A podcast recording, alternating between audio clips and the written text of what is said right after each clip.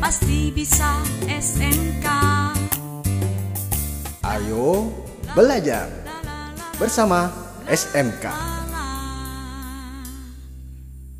Sahabat edukasi, selamat berjumpa kembali dalam program Ayo Belajar yang dikembangkan oleh Pustekom Kemdikbud.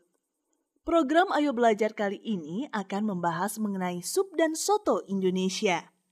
Sebelum membahasnya lebih jauh, kita akan mengupas terlebih dahulu tentang pengertian dan fungsi dari sup dan soto Indonesia. Untuk lebih jelasnya, simak dan dengarkan baik-baik ya.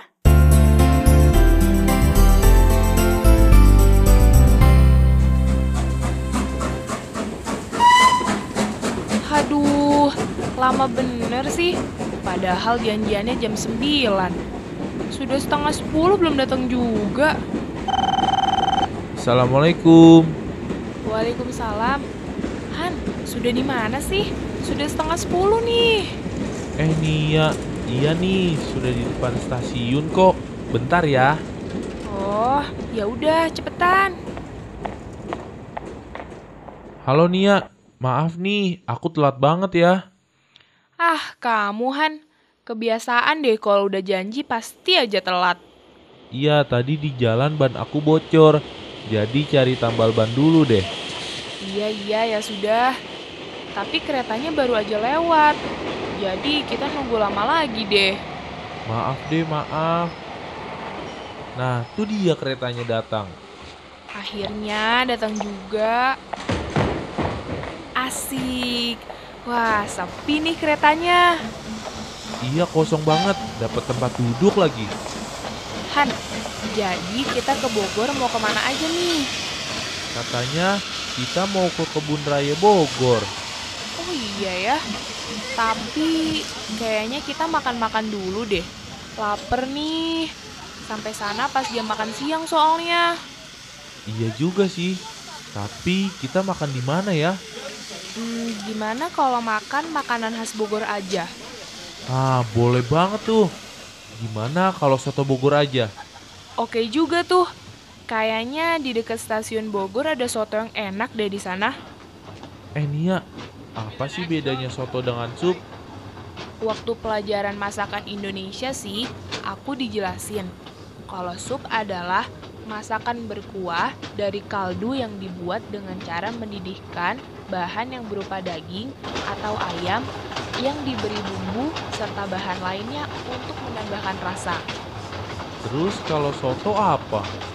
Kalau soto adalah makanan khas Indonesia yang terbuat dari kaldu daging dan sayuran dan dapat diberi saus, keripik kentang, toge, dan sebagainya. Oh begitu toh. Kalau fungsinya kamu tahu tidak? Ya kalau fungsinya untuk dimakan lah. Kamu mah taunya cuma makan aja. Jadi tuh fungsi dari sup yaitu untuk membangkitkan selera makan dan untuk menetralkan rasa tajam dari appetizer saat jamuan makan. Kalau soto juga untuk membangkitkan selera makan kan? Iya sih, selain itu, kalau soto kan khas Nusantara. Biasanya dihidangkan sebagai hidangan utama.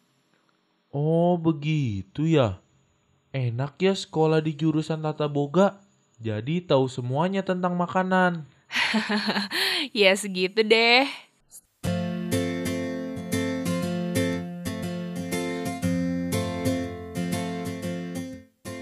Sahabat edukasi, sup adalah masakan berkuah dari kaldu yang dibuat dengan cara mendidihkan bahan daging atau ayam yang diberi bumbu serta bahan lainnya untuk menambah rasa.